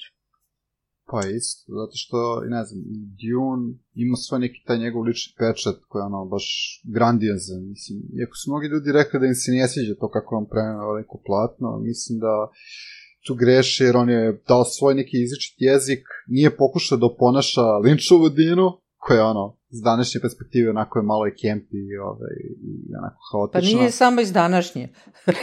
Pa, mislim, ali, ali gledaj. Mirjana, Mirjana, gledaj, u to vreme, e, znači to je tvoje vreme, kad su tek izlazili ti veliki blockbusteri i epski filmovi i sigurno je to ostavilo jak utisak kad je Lynch izbacio tu prvu Dinu i kao prva adaptacija jednog velikog sci-fi dela, sigurno je to tada bilo ono kao pucati um, jer gledaš nešto na velikom platnu i kao u stilu si, wow, vidi šta mogu da postignu s filmovima. Danas Wow, stvari vidi Sting u gaćama.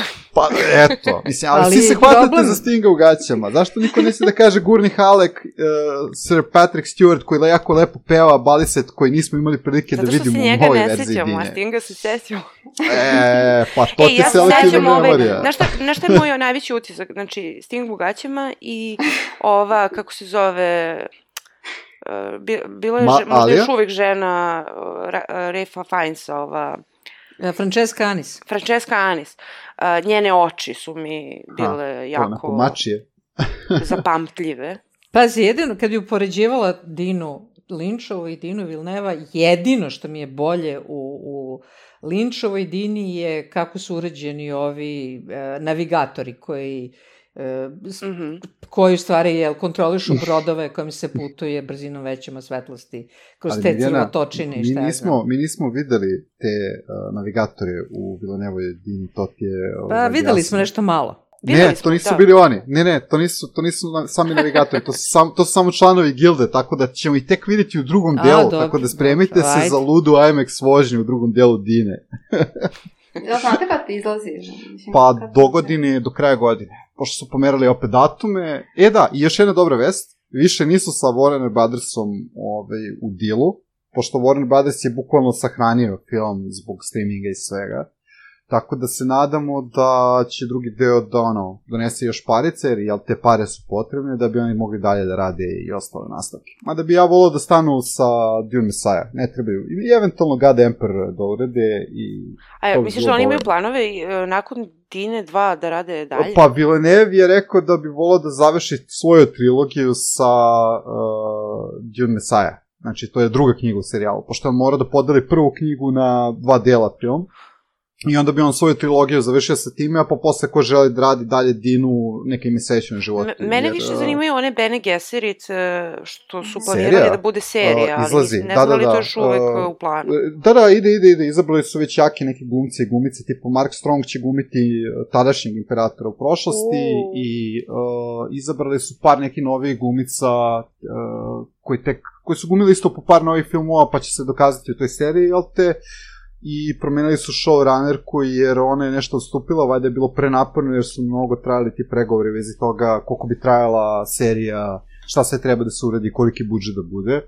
Pa ja mislim da je uvek problem u budžetu. Znači, Pa da, ali... u 90% slučajeva kad showrunneri dobiju otkaz ili daju otkaz... A To su nije otkaz. dif- Ovo- Pa nije, nije, pa ovo- dobro, Ovo nije kao- otkaz, ovo nije otkaz, ovo je samo smena, ona je odstupila, ona je ostala kao scenariskinja, znači ona je napisala tu prvu sezonu sa ostalim tim scenaristima i scenariskinjima, a Villeneuve je samo producent. Villeneuve je inače trebao isto da režira prvu epizodu, ali verovatno nisu hteli da mu daju odrešene ruke, pošto je jako specifičan tip, želi da ima svoj final cut, I onda je verovatno bilo, hej, ajde budem samo producent, a vi ovo iznesete kako god umete možete. Što u suštini bi im bilo pametno ako žele da grade franšizu od Dune sveta, jer tu ima zaista dosta materijala i kad bi uzeo neko ko A, razume šta je Frank Herbert izgradio u svojim knjigama, to bi moglo da traje ono, dekadama i dekadama, kao što je Star Wars trajao, a Star Wars je pokupio sve od Dine i od, naravno, i od Dinkala, uh, izvesnog Da, Snopa, E, tako se, da, evo gledam da. cast za tu Mhm. Bene Gesserit uh, seriju, The Sisterhood. The Sisterhood, tako je. Uh, Emily Watson i Shirley Henderson su Pa da. glavne. Indira Varma, um, kao što ti reče, Mark Strong i ove Da, da. druge glumce, ne znam. Ove, ali dobro, vidjet ćemo.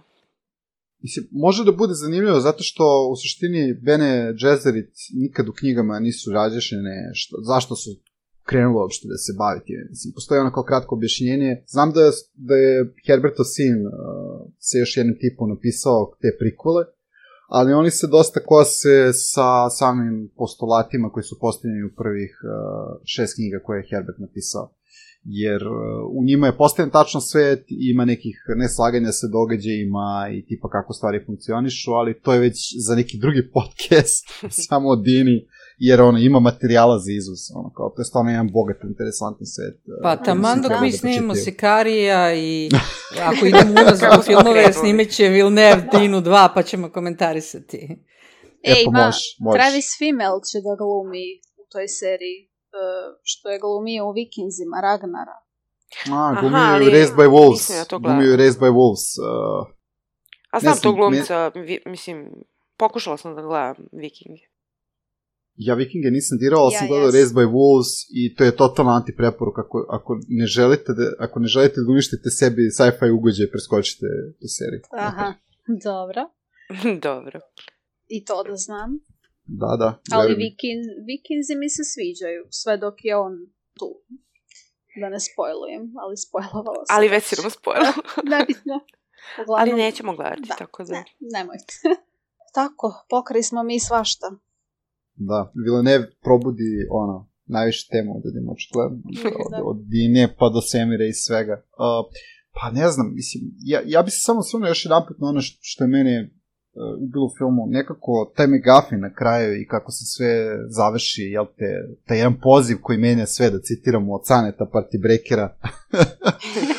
Ove, nekako mi je to bilo neuverljivo. Moglo je na mnogo više načina da se odigra sam kraj. Moglo je da se desi da kao što su uh, vanzemaljci omogućili uh, Luizi da ima tu moć prekognitivnosti, mogli su da se spoje sa čovečanstvom na neki način, da svi da vide, u stvari, da uvide te greške i do čega sve može da dovede. Nekako bi mi Aha, to bilo bolje. nivou. Pa da, zato što ovo je baš onako ono kao, kao što svi scenaristi uvek koriste od pamtiveka. Uvek postoji uh, neka ta deus ex machina ili predmet koji će rešiti sve. Čak i kada sve deluje kao da je beznadežno i da se Da. nazire dobar kraj. I to mi je baš bilo lenjo i nekako mi je ubilo svu uverljivost koju je film odlično izgradio u prvih sat vremena. Kao, kao što sam već Jeste malo napomenuo. bilo to, da. Onako, onako previše nekako mm, sladunjavo. Ali izvini, sad si me podsjetio Da. o, ono što sam ja rekla na početku i to je dokaz da može prošlost da se promeni. To sa mobilnim telefonom. Pa, dobro, može da se iskoristi u funkciji toga, ali ne, znam, meni je samo taj lični utisak neki moj, moj ovaj, baš mi je to pokvarilo film i onda sam već izgubio volju i želju, ono kao, tako da, nažalost, ovo meni ne ostaje u LA, ono kao najboljih uh, Denisovih dela. Da, taj moment jeste bio neubedljiv i nema ga u priči samo i tako da ono prosto nije scenario kogod je radio taj deo, ovaj, Dobro, oni su morali da urade nešto što je drastično. Znači, oni su morali da uvedu ne prvo nekakvo razrešenje koje ima između ostalog i neku napetost, da li će ona sad uspeti njemu da javi jel, na vreme, da li će uspeti da ga ubedi, tako da ja razumem to rešenje. Neko, mislim. neko, da, ali neko oruđe je malo ubedljivije i ono, jače. Znači, oružje ili oruđe, Nataša? Oruđe, rekla sam. Bitno je razlog. E, a htjela sam da vas pitam, ove, da li, onako, da li biste želeli da naučite heptopodski? Pa što da da ne? biste želeli da, da ne? znate priču svog života? Da, da, Pa, da ono znate Pod šta će uslovom se da može da se promeni... Uh, E, eh, Pa sad. To već, ono kao da. Ne znam. I kako to sad utiče ako svi I to kako radimo? to sad, da, sve to utiče, ako sad tu menjam Ako ti nešto. promeniš nešto, kako to utiče na moju priču, da li ja onda moram ponovo da gledam šta se dešava u budućnosti? Jer si Onda ti se promenila nova budućnost dešava. To bi bio Ja. pakao. Ja mislim da. Da. bi se samo zakomplikovalo sve još više. Nako je ovaj život jedan koji ima U pravu su kinezi, Da. da delimo to znanje sa drugim. Da, a ja mislim da bi baš bilo teško živjeti sa tim teretom, da znaš šta te čeka. Tako da, zbog toga ne bih voljela. Ali da ako znam. postoji šansa da to promeniš, A to naravno da bih. pa to ti kažem. Ali mi se čini iz ove priče da nije bilo mnogo E. šansi da se mijenja. Pa vidiš da Pa smo, o tome smo diskutovali, da smo Moglo je, zaključili da ona imala izbor. Da. Luis je odlučila da onda ne bi bude sebična. Ona je uradila nešto što je najbolje za čita svet, što je u stvari jako velika žrtva kad malo bolje Ne, ne ulazimo u motivaciju, nego samo Da. kažem, postoji mogućnost izmene predodređene te vizije, kako već. Da, da, da, naravno, naravno. E, ali vidiš, opet se vraćamo na Dune, i u Dune ima toga. Jer Paul Atreides i sam isto ima te vizije da vidi budućnost kakva će biti i ono kakve su opcije. Tako da, Villeneuve je znao šta radi od samog početka. Od samog početka je bacao naznake šta će da radi u Mm. budućnosti. Da. Na mašinu očajanja. Da, s tim što čini mi se da, čini mi se da je Paul, uh, jo, ovo je tako glupa fora. da, zato što sam htjela da kažem da su ovo heptapodi, a da je Paul no pod, zero pod, pošto ima Kako je- u knjizi ono kad ima ostane dve- bez nogu i ruku. Savage. Savage. Ok, o, ovo je bilo ono kao, do, dozvoljena mi je jedna glupa fora. Savage, kažem. Po emisiji. Pa dobro, Dobro. sve u svemu, Arrival, kako, preporučiti ili ne? Pa evo, ja sam preporučivala ljudima i nekako... Morate da pazite da ljudi ne, zasp, da ne zaspu dok... uh, Ona da muzika kad krene, rm, onda će da ih probudi. Tako da, s te strane, možda ih to probudi. Što znam? Šalim se, ovaj, uh, većina ljudi uh, iz mog okruženja, većini ljudi su svideo film. Tako da Mhm. ja bih preporučila jer je velika šansa da će se ljudima svidjeti ovaj film. Da, pa i ja, ja bih... isto preporučila, da. Apsolutno preporučila. definitivno. Mogu da Mislim, ga- neki mogu da novi pogledam. koncept može poimanja i, i vremena i jezika da, da se ovaj, nauči kroz film i mislim da bi onako to otkrovenje ono, Da, same ideje i teme ljudima. koje su u filmu su zanimljive. I što uh, vanzemaljci nisu uh, agresivni, nisu neprijateljski nastrojeni, što onako ređe u, u, u filmovima Mhm. gde, gde se dolazi do prvog kontakta sa ljudskom civilizacijom. I generalno ljudi, naravno, vanzemaljce, m, ono, percepiraju kao nešto negativno. Mislim, prosječan Dobro. čovek. uh, Tako da, da, da ovaj, da je jedan od filmova koji će ljudima prikazati da možda vanzemaljci mogu da dođu i ovaj, da nam pomognu. Da i dođu u da miru. donesu Nešto, da, da dođu u miru i da nam možda još i nešto daju. ono, i pomognu. Ja, Kao neki poklon. Jao, sad, si, sad si me podsjetila. A, ako želite da vidite totalni, a, ono kao anti, antipod ovome što smo gledali, gde ovde sve miroljubivo i lepo, pogledajte Mars Attacks pa da vidite kako izgleda prvi kontakt kad sve pođe po zvuku. Jao, Mars Attacks. To nisam gledala. Jao, trebalo bi presmešeni film. To je Tim Burton, da. To je napravljeno kao, kao trash, ali u suštini nije trash, nego nije dobro svaćen u vreme kad je izašao film, jer je bio ono kao visoko Možemo to budžetna raditi nekada. Pa bi, Ne, mogli bi stavite stare filmove Tima Da, Bartona. jer mi toliko tražimo neki trash. I, i mislim da je ovo taj moment. Da je to to. E, apropo toga, a, prvo kontakta, bit će zanimljivo TV serija koja treba da izađe na Netflixu, ne znam kad, a verovatno ni Netflix ne zna kad, koja, je, koja je rađena po romanu Li, Lju Cišina, ja mislim da se tako čita, otprilike, Dobro. koji je prvi roman, uh, ako se ne varam, uh, koji je pisao uh, neko na jeziku koji nije engleski, a da je e, roman dobio sad Nebulu ili Huga, ne sjećam Mhm. se tačno, ali e, u svakom slučaju prvi roman koji je dobio jednu značajnu e, naučno-fantastičnu nagradu, ovaj, a koji, da, Nebulu, je- ne, nominovan je, Huga je dobio, izvinjam se, nominovan za Nebulu, a ovaj, dobio Huga 2015.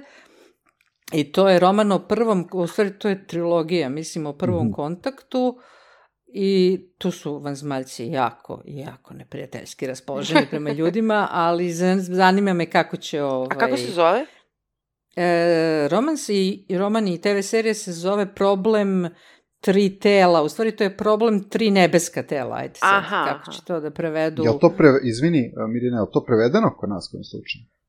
Uf, Ne znam, stvarno ne znači znam. nisi vidio. Ok, ok. Jesi čitala ti te knjige ili... Ja sam to počela, ja sam počitala prvu knjigu i me je bilo malo dosadno, pa sam odustala ima kao... Uh, Sačekat ću seriju kao. Da, d- d- meni je bilo dosadno zato što je potpuno ono nema likova. Znači, na neki način slično kao ovaj, zadužbina Isaka Simova, mislim, ima likova, ali to oni su potpuno onako prazni, i ne ni dvodimenzionalni, Mhm. nego jednodimenzionalni. I to me onda malo odbilo, ali neko intelektualno je, ajde da kažem, intelektualno je zanimljiva knjiga. Znači, Taj sci-fi moment možda kao nešto. Pa taj, da, da. On je Dobro. baš kineski Možda pisac, znači nije američki kinez, nego je baš kineski Mhm. pisac. dobro, pa to znači da će biti totalno Možda je drugačije od ovoga što smo neki, da. navikli na zapadnjačkoj e, Pa, sci-fi sceni. baš me zanima kako će da ide ta ovaj, adaptacija, zato što je jako teško raditi adaptaciju tog tipa romana, eh, gde eto, ne, praktično su likovi, ono kao, služe samo, e, bukva, bukvalno služe samo kao e, zapletu. I to je to, sve što ima Mhm. od njih.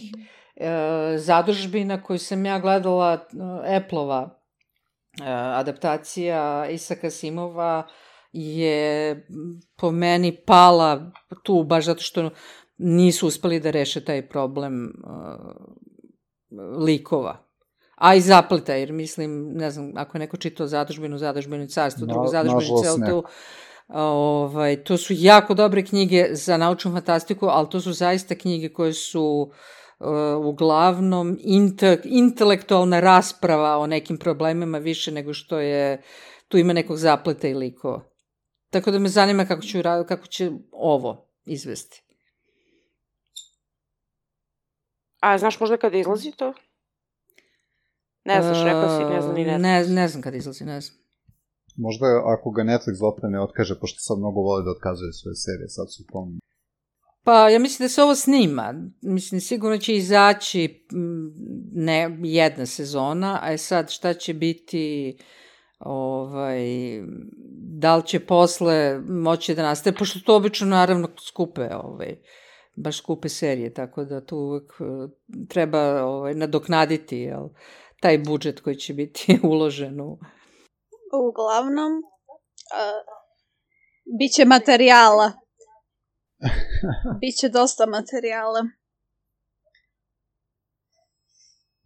Pa, Arrival ja bih preporučila se vratim na Arrival, zato što je nešto baš najsvakidašnje i ostavlja čovjeka sa mnogo toga za razmišljanje, što je za mene jako važno. Tako da, i definitivno nije tipičan first contact film. Mhm. A šta još imamo, ili imamo još nešto, ili možemo da spakujemo? Pa ja imam još jednu ovaj, opasku, a to je da mi se jako svidelo uh, koliko se Amy Adams plaši u tom prvom kontaktu. Mm -hmm. To mhm. obično ne prikazuju u načinu tačnim filmovima, oni su svi kao hrabri, kao ma šta, kao ima veze, idemo tamo nešto da uradimo, a ovde zaista vidimo strah i što je normalna i očekivana mm -hmm. reakcija. A to gotovo nikad ne vidimo u naučno fantastičnim, ne samo u naučno fantastičnim filmovima, nego i u kriminalističkim trilerima, Neki put ima u ratnim filmovima kad je to ovako što je dobro, ali ovaj, ovde je u odnosu na druge naučno-fantastične filmove baš to izraženo onako. I to je pa baš dobro. Pa ima tu ljudsku notu baš izraženo. Da, nije kao neki badass ženski lik koja će e, sve da, to da. da sredi časkom. Nego bukvalno ono žena iz naroda, obično. Da. Pa, da, gumi, gumi normalnu osobu. A da, realno. Često ne, ne, ne susreće u današnjoj gumi, jer nekako, ne znam da li se i vama to javlja kad gledate nove filmove, svi nekako dosadno glume. Niko više ne dolazi do izražaja da može da gumi stvarno uverljivo normalnu ljudsku osobu, nego gumi pa, nešto je možda iskarikirano. A ona to ne radi. Ona ima da. stvarno tu neku uh, prirodnu auru oko sebe da prenese razne emocije, gotovo intimne, a da ne kaže ništa kao u ovom filmu. Da, no, dosta nijansi ove emocija. Da, da može da prikaže na licu samo. Mm -hmm. Previše je, previše je ukalupljenih uh, likova, previše da. je, ponavlja se sve. Sad se baš gleda da se gura ta neka ženska snaga, ok, podržavam, ali to je malo nerealno. A kad već pričamo o tome, izvedba Amy Adams je prava, opipljiva, realna. Mm -hmm. Tako da, žena kita. Da. pa meni je to badass. Veći nego... E, pa jest. Kada, kada uprko strahu, ti ono, prevazilaziš ga i, ovaj, i ideš dalje i ono. Jel, hoćete još nešto da dodamo na konto Rivala ili smo ga baš ono uzdiži popiku prešli i, i izreklamirali sve što Villeneuve isto sprema za nas u budućnosti. Ishejtovali ga malo. I malo Hansa A... Cimera. I Nolana. I Nolana, da. A dobro, mora se Jedno nekad nešto iskejtovati. ne, može sad stalno da bude sve super. Nekad mora da Jest. bude malo i negodovanja po Bogu. Ono, kao kakvi ne... bi bili ljudi to onda. Tako je, ne može svima isto da nam se sviđa. Tako pa, je. To, to, to. On that bombshell. da ga završava. Dobro, Mirjana, hoćeš da nas izvedeš? Uh, pa ovo je bila treća epizoda u našem serijalu Deni Vilneva. Uh, sledeća epizoda će biti Sicario, a posle Sikarija ćemo vjerojatno odlučiti da li ćemo ići još u prošlost, koja u ovom slučaju nije ciklična, i da li ćemo snimati, i, odnosno raditi snimati podcaste i za ranije filmove Deni Vilneva ili ćemo se prebaciti na neke... A može će biti ciklično, pa ćemo doći do Dune 2. Da, do, do, do, do Dune 2, ili ćemo se prebaciti na neke drugi režisere koji su nekim drugim članovima naše ekipe e, problematični, kao što je Maši Deni Villeneuve problematičan, tako da u svom slučaju Sikari je ono što nas sigurno čeka, a sve ostalo je, vidjet ćemo. Dobro, ništa, onda čujemo se sledeće nedelje kad budemo radili neki drugi film ili seriju, vidjet ćemo. A do tada slušajte bukvalno. Ćao! Ćao! Ćao! Ćao! Čujemo se i vidimo se u žive teća. Ćao!